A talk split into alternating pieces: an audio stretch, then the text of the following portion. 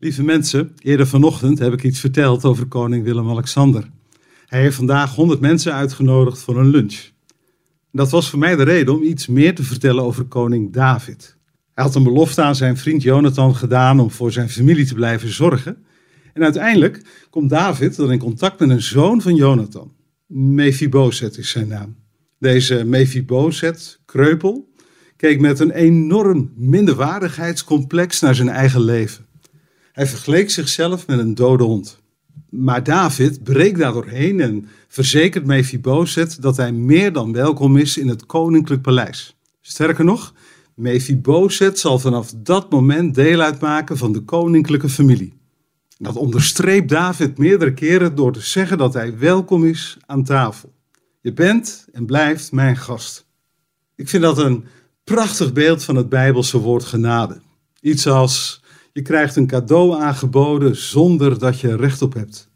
Mephibosheth was weggevlucht, in de vergetelheid geraakt en hij dacht minder waardig over zichzelf. En toch is hij meer dan welkom aan de tafel van koning David. En hij is deel van de koninklijke familie. En Mephibosheth kan niet anders dan dit cadeau aanvaarden. Misschien goed om nog even te zeggen, uit te zoomen. Op meerdere plaatsen in de Bijbel speelt gast aan tafel zijn een belangrijke rol. Psalm 23 zingt in vers 5: U nodigt mij aan tafel voor het oog van de vijand. U zalft mijn hoofd met olie, mijn beker vloeit over. En ik denk ook aan het beeld van de avondmaalstafel, de maaltijd van de Heer. In iedere kerk wordt deze maaltijd gevierd. En de boodschap staat: God schenkt zijn genade aan mensen die niet meetellen, aan mensen die weggevlucht zijn, aan mensen die zich minder waardig voelen, aan mensen die fouten maken en wonen op plekken die er niet toe doen. En de uitnodiging klinkt om dat cadeau vol vertrouwen uit te pakken.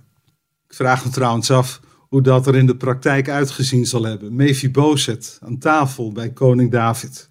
Zou hij in gesprek zijn geraakt met Salomo, een andere zoon van David? Of zou Absalom, weer een andere zoon, hem deelgenoot gemaakt hebben van zijn plannen over zijn opstand? We lezen er verder niets over in de Bijbel. En misschien bleef Mephibosheth wel een vreemde eend in de bijt. Dat is altijd nog beter dan een dode hond. Maar te midden van alle lastige situaties en complexe gevoelens was dit het fundament onder zijn voeten. Genade. Ik sta te boek als een prins. Ik ben deel van de koninklijke familie.